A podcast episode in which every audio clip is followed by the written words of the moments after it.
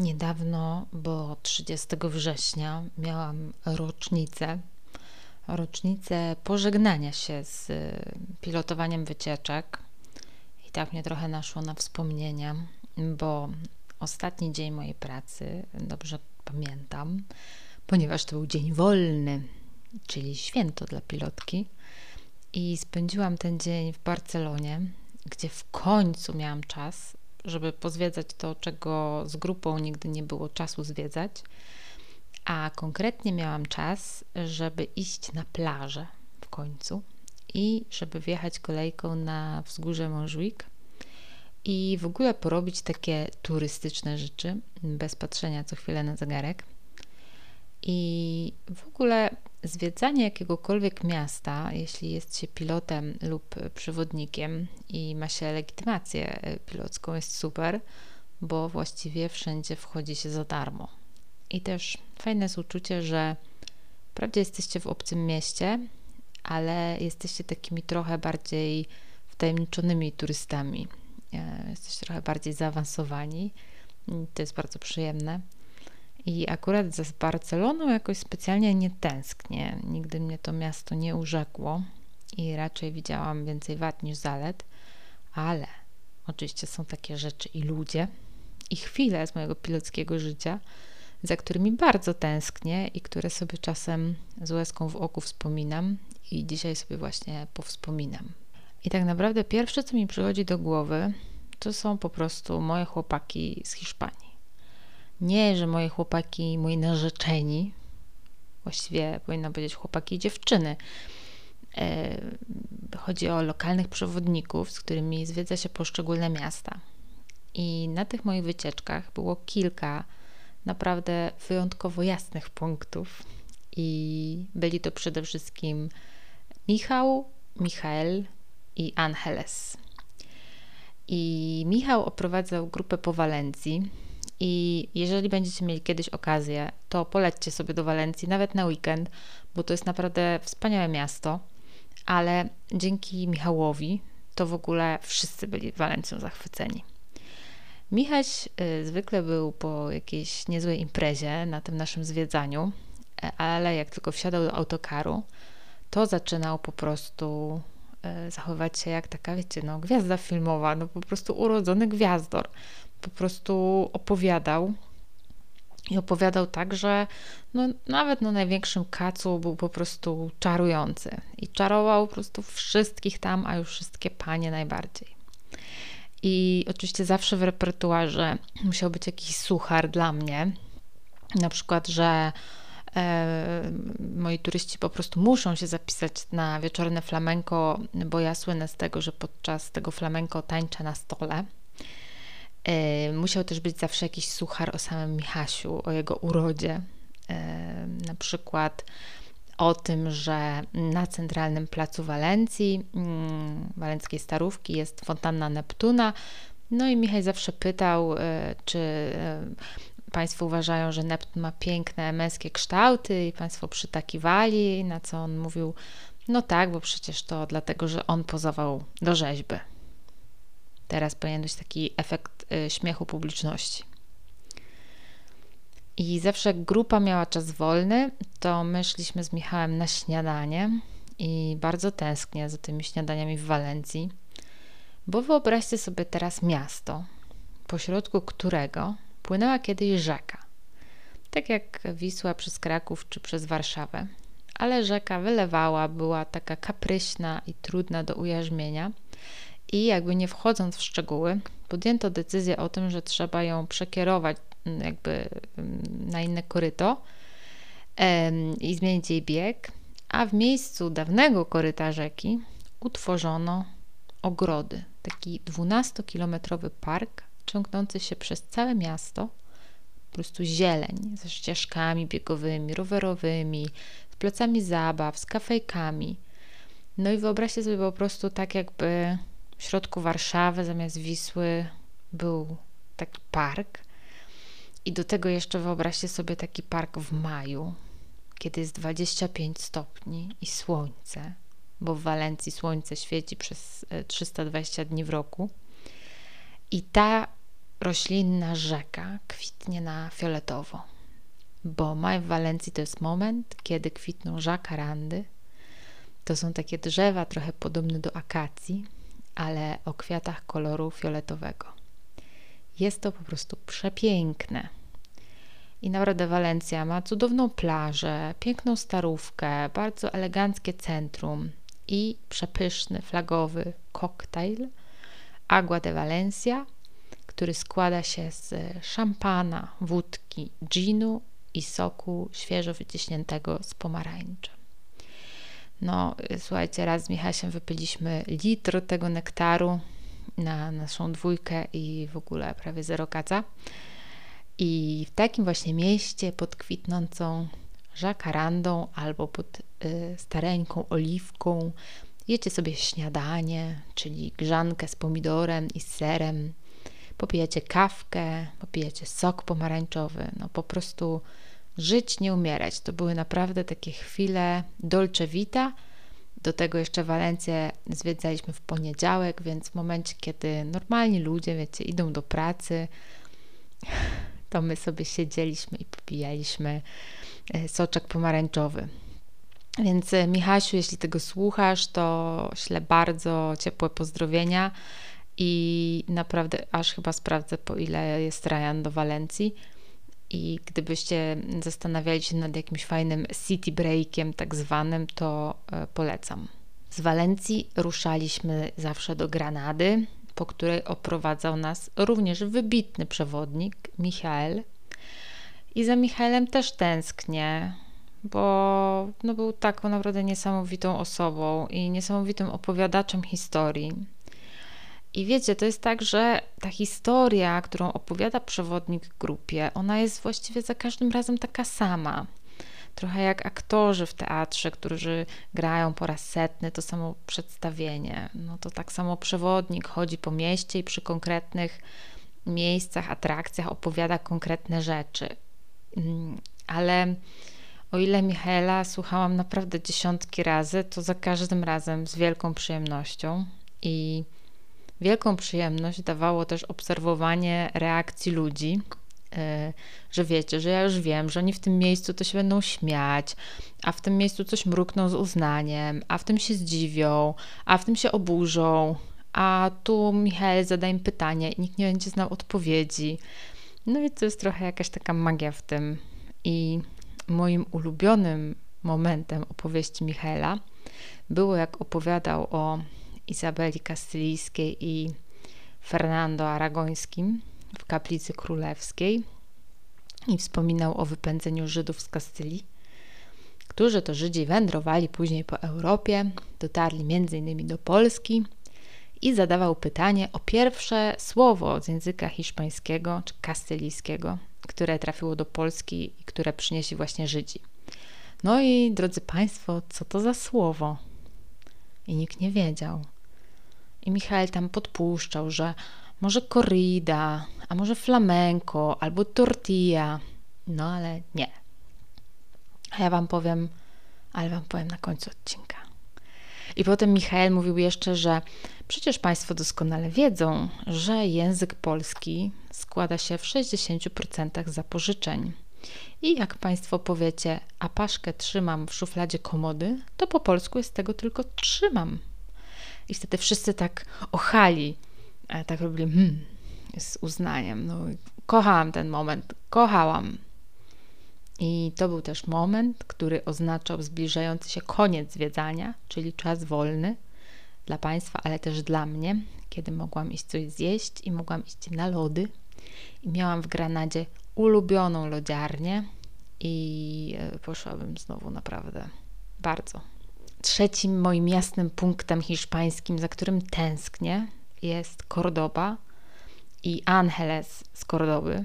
Angeles, niezwykle piękna kobieta, na którą się po prostu nie mogłam napatrzeć i która też była naprawdę taką wspaniałą przewodniczką i uwielbiałam z nią pracować i zwiedzać Kordobę. I to też było takie miejsce, w którym ludzie dużo ochali, yy, ale oczywiście najbardziej lubiłam ten moment, jak był czas wolny i my sobie szłyśmy na kawę, zawsze w to samo miejsce, na kawę i ploteczki. A takie ploteczki raczej o naszym własnym życiu, bo wiecie, no widywałyśmy się przez trzy godziny raz na tydzień i głównie jednak oprowadzałyśmy grupę, a na rozmowę miałyśmy może pół godziny, e, ale czasami jest tak, że spotykacie w życiu osobę, z którą może nie łączy Was jakaś taka zażyłość, ale z którą możecie porozmawiać naprawdę o takich rzeczach od serca, może właśnie dlatego, że ta osoba jest trochę obca i poza Waszym kontekstem i, o, i którą e, możecie też zapytać o radę w ważnej sprawie życiowej i ta osoba Wam powie naprawdę tak szczerze, i moja relacja z Angeles e, właśnie taka była. No, Angeles pewnie za 20 lat ode mnie starsza, ale w ogóle jakby nie było czuć tej różnicy wieku. I muszę dodać do tej trójcy jeszcze jedną osobę, bo to także wspaniała osoba, e, za której energią bardzo tęsknię, czyli Ania z Sewilli. I Ania e, prowadzi na Instagramie konto Sevilla po polsku i serdecznie Wam je polecam, bo Ania super opowiada dzieli się różnymi ciekawostkami i spotkanie z nią jest po prostu jak spotkanie ze słońcem, po prostu ładuje dobrą energią. I też w ogóle, jakbyście chcieli odwiedzić e, Walencję, Barcelonę, Sewillę albo jakieś inne miasto w Hiszpanii, to naprawdę mam najlepszych ludzi do polecenia, najlepszych przewodników, którzy opowiedzą Wam takie historie, że gwarantuję po prostu opad szczęki. Mm, na przykład Agnieszka z Madrytu, pozdrawiam Agnieszkę, która kiedyś zrobiła mi takie oprowadzanie po Muzeum Prado, że dwa tygodnie tę szczękę zbierałam. Naprawdę wspaniali ludzie. I w żadnym innym kraju y, nie miałam takich wspaniałych przewodników. Naprawdę, ta moja objazdówka to no, była ogólnie ciężka w chuj, bo robiło się po prostu jakieś hektary, jakieś po prostu tysiące kilometrów godziny w autokarze, hotele średnie, autokar do bani, ale za to przewodnicy najlepsi. I w ogóle tęsknię chyba za byciem w tym bractwie pilocko-przewodnickim, za tym, że jednak jest się dla kimś autorytetem i można komuś opowiedzieć coś o kraju, o którym ten ktoś nic nie wie. I miałam w Portugalii taką zabawę pierwszego dnia, że w autokarze pytałam właśnie Państwa, z czym im się kojarzy Portugalia. No i rozwijałam te odpowiedzi. E, opowiadaliśmy sobie takie po prostu, no, że tam kogut z Barcelusz, e, że Fado, że Bartolomeo Diaz i tak dalej. I ostatniego dnia wracałam do tego, i robiliśmy sobie taki alfabet, y, co na naszej wycieczce było na literę A, B i tak dalej. I to było bardzo fajne. I w ogóle muszę powiedzieć, że bardzo lubiłam e, opowiadać przez mikrofon w autokarze i oprowadzać też lubiłam, chociaż czasami bywało to stresujące, bo czasami na przykład przewodnikowi coś wypadało i nagle ja musiałam odtworzyć jego rolę i zagrać to i no różnie wychodziło ale no, była też tam taka przyjemność odgrywania pewnego spektaklu i snucia opowieści, która no, miała swoje punkty zwrotne, interakcje z ludźmi. Kochałam oprowadzać po Hawanie, e, po tych zaułkach i to były też takie momenty fajne, bo ludzie wtedy słuchali. A w autokarze to, no wiecie, różnie bywa. No, bywa tak, że wszyscy śpią. I uwielbiałam też to chodzenie na kawę, i ten ceremoniał, no bo wiecie, jedziecie z kierowcą czy z przewodnikiem, któryś raz tę samą wycieczkę, stajecie w tych samych miejscach, więc wiecie, co kto zamawia i jaką kawę pije. Zwłaszcza, że na Kubie jest często do wyboru jedna kawa, ale ceremoniał musi być, czyli musi być pytanie, czego się napijesz. Yy, musi być takie udawanie, że się zastanawiasz. Yy, i e, czy na przykład wziąć e, czarną, czy z mlekiem, po czym na Kubie no, zazwyczaj nie ma tego mleka i tak, bo nie dowieźli. I w ogóle kochałam to chodzenie na kawę. W Polsce wyjście na kawę to jest, wiecie, planowane w kalendarzu trzy tygodnie wcześniej. Polega na tym, że siedzi się dwie godziny w Green Cafe Nero e, na kawie za 17 zł i ciastko za drugie tyle a w Hiszpanii, czy na Kubie, czy w Portugalii kawa, no to jest, wiecie, raz, dwa, 10 minut na stojąco i już. I trochę no brakuje mi tego. Mm, natomiast tak podejrzewam, że pewnie chcecie wiedzieć, czy tęsknię za swoim kubańskim romansem. Jak nie słuchaliście odcinka o romansach, to polecam. Ale tu Was rozczaruję, bo nie tęsknię w ogóle, nie mam w ogóle powodu. Ale za Kubą jako taką, no to owszem. I za tym zapachem, za tym zapaszkiem tropiku. To jest taki zapach, że jak pierwszy raz przyjeżdżacie na Kubę, to po paru dniach zastanawiacie się, co tak pośmiarduje, takim trochę jakimś stęchłym czymś. Czy to wy, czy to, wiecie, coś niedoprane w walizce, yy, przyleciało, czy to wasz sąsiad, czy to po prostu, nie wiem, siedzenia w autokarze. A to jest, kochani, zapach Kuby, po prostu zapach wilgoci, która po prostu przenika wszystko, nawet mury i nie ma na to rady. Nie da się tego zabić, trzeba pokochać. I tęsknię też za nocnymi eskapadami po miastach, jak wiecie, już tam turyści sobie zjedli kolację, poszli do siebie, a ja albo tutaj z jakimś jeszcze, z drugą pilotką zamawiałyśmy taksówkę i, i w miasto.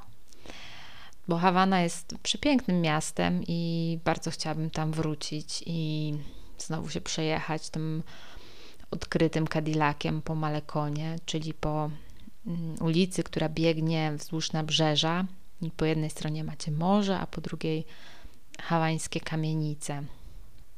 I tak jak sobie myślę, to w sumie życie pilotki ma bardzo wiele zalet, bo po pierwsze nie musicie sprzątać ani gotować, ktoś to robi za was, a po drugie odwiedzacie sobie piękne miejsca, kąpiecie się w cenotach, jecie głównie za darmo, pijecie również y, alkohol za darmo. I nie musicie się przejmować jakimiś rachunkami za prąd, jakimiś awizo w skrzynce, formularzami ze spółdzielni mieszkaniowej, terminami y, kontroli instalacji gazowej, y, pamiętaniem, czy kupiliście papier toaletowy. W ogóle tego nie ma i wprawdzie jest milion innych spraw do przejmowania się, no ale no, generalnie jest fajnie. I czasami łapię się na tym, że tęsknię za tymi chwilami, kiedy trochę tak podpuszczałam turystów. No wiecie, takie drobne, małe sprawki, e, dające satysfakcję, jak grupa zalazła za skórę. E, czasem polegało to na tym, żeby trochę przygotować w ogóle ludzi na to, co może ich czekać. Na przykład, że w hotelu nie ma ciepłej wody i, i że mają się do mnie z tym nie zgłaszać, bo ja i tak nic na to nie poradzę.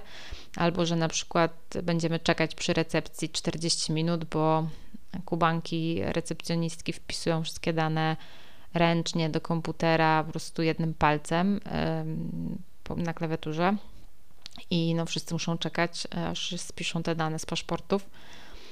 Albo takie pytania, które zawsze się powtarzały, czyli jak tu można z hotelu dojechać do centrum miasta? No i ja zawsze mówiłam, że można sobie zamówić taksówkę, która kosztuje tyle i tyle. I potem zawsze padało pytanie, ale czy można jakoś taniej dojechać? Więc mówiłam, że Oczywiście z pod hotelu trzeba wsiąść w autobus numer 418, pojechać na stację kolejową, stamtąd wziąć linię R2 do dworca Atocia i tam przesiąść się w metro numer 8 i już są Państwo w centrum. No. Nie, no serio, przez większość czasu naprawdę starałam się być bardzo wspierająca i autentycznie ludziom pomagać, no ale tak czasami takie małe szpileczki się zdarzały. Ale tak, najbardziej tęsknię za ludźmi, których poznałam, bo to byli naprawdę zajebiści ludzie, ale też jak jesteście w obcym kraju i musicie sobie radzić z różnymi przeciwnościami losu, których w ogóle nie braliście pod uwagę przyjeżdżając tam, na przykład, że będziecie mieć pluskwy w materacu w hotelu, albo że y, musicie iść wyleczyć zęba w kubańskim szpitalu